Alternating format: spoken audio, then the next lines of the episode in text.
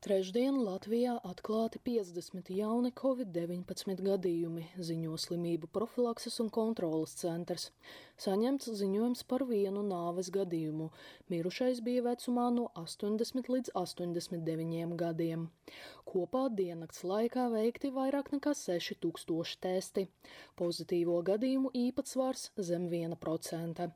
Slimnīcās nonāca astoņi pacienti ar covid-19. Kopā stacionāros ārstējas 87 pacienti, no kuriem 16 ir smagā stāvoklī. Ministru kabinetam ir tiesības apspriest obligāto vakcināciju pret covid-19 noteiktās profesijās, uzskata Tiesības sarga birojas ziņo Leta. Tiesībsargs Jūris Jansons atzīmē, ka gan likumi, gan ministra kabineta noteikumi pāredz, kā epidēmijas vai tas draudu gadījumā veselības ministrs ir tiesīgs izdot rīkojumu par atsevišķu iedzīvotāju grupu obligāto vakcināciju. Šie likumi nav pretrunā ar satversmi, jo tā ļauj ierobežot cilvēku tiesības, lai aizsargātu citu cilvēku tiesības, sabiedrības drošību un labklājību, paskaidroja tiesības sargs.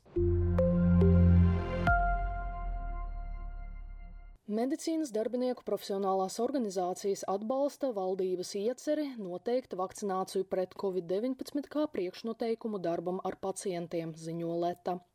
Jau šobrīd mediķiem ir obligāti jāvakcinējas pret difteriju un B hepatītu, lai pasargātu pacientus. Aptaujātie asociāciju pārstāvji izteica domu, ka ja valsts apņemtos sniegt cilvēkiem kompensāciju, ja viņiem gadās komplikācijas pēc potas saņemšanas, tas varētu motivēt šaubīgos vakcinēties. Bet tad ir nepieciešami skaidri kritēriji, kā atšķirt vakcīnas blaknes no citiem nevēlamiem notikumiem, kuri nav saistīti ar vakcināciju Rīgas doma plāno piešķirt naudas balvas skolām, kurās vakcinācijas aptvere sasniegs 80%. Lielāka naudas balva būs 10 000 eiro, mazāka 5 000. Balvas apmērs būs atkarīgs no skolas darbinieku skaita. Skola šo naudu varēs izmantot pēc saviem ieskatiem, paziņoja Rīgas mērs Mārtiņš Staķis. Viņš uzskata, ka skolām 1. septembrī jābūt atvērtam, un risinājums tam ir vakcinācija. Covid-19 dienas apskatu sagatavoja Ksenija Kaļesņikova, portāls Delfi.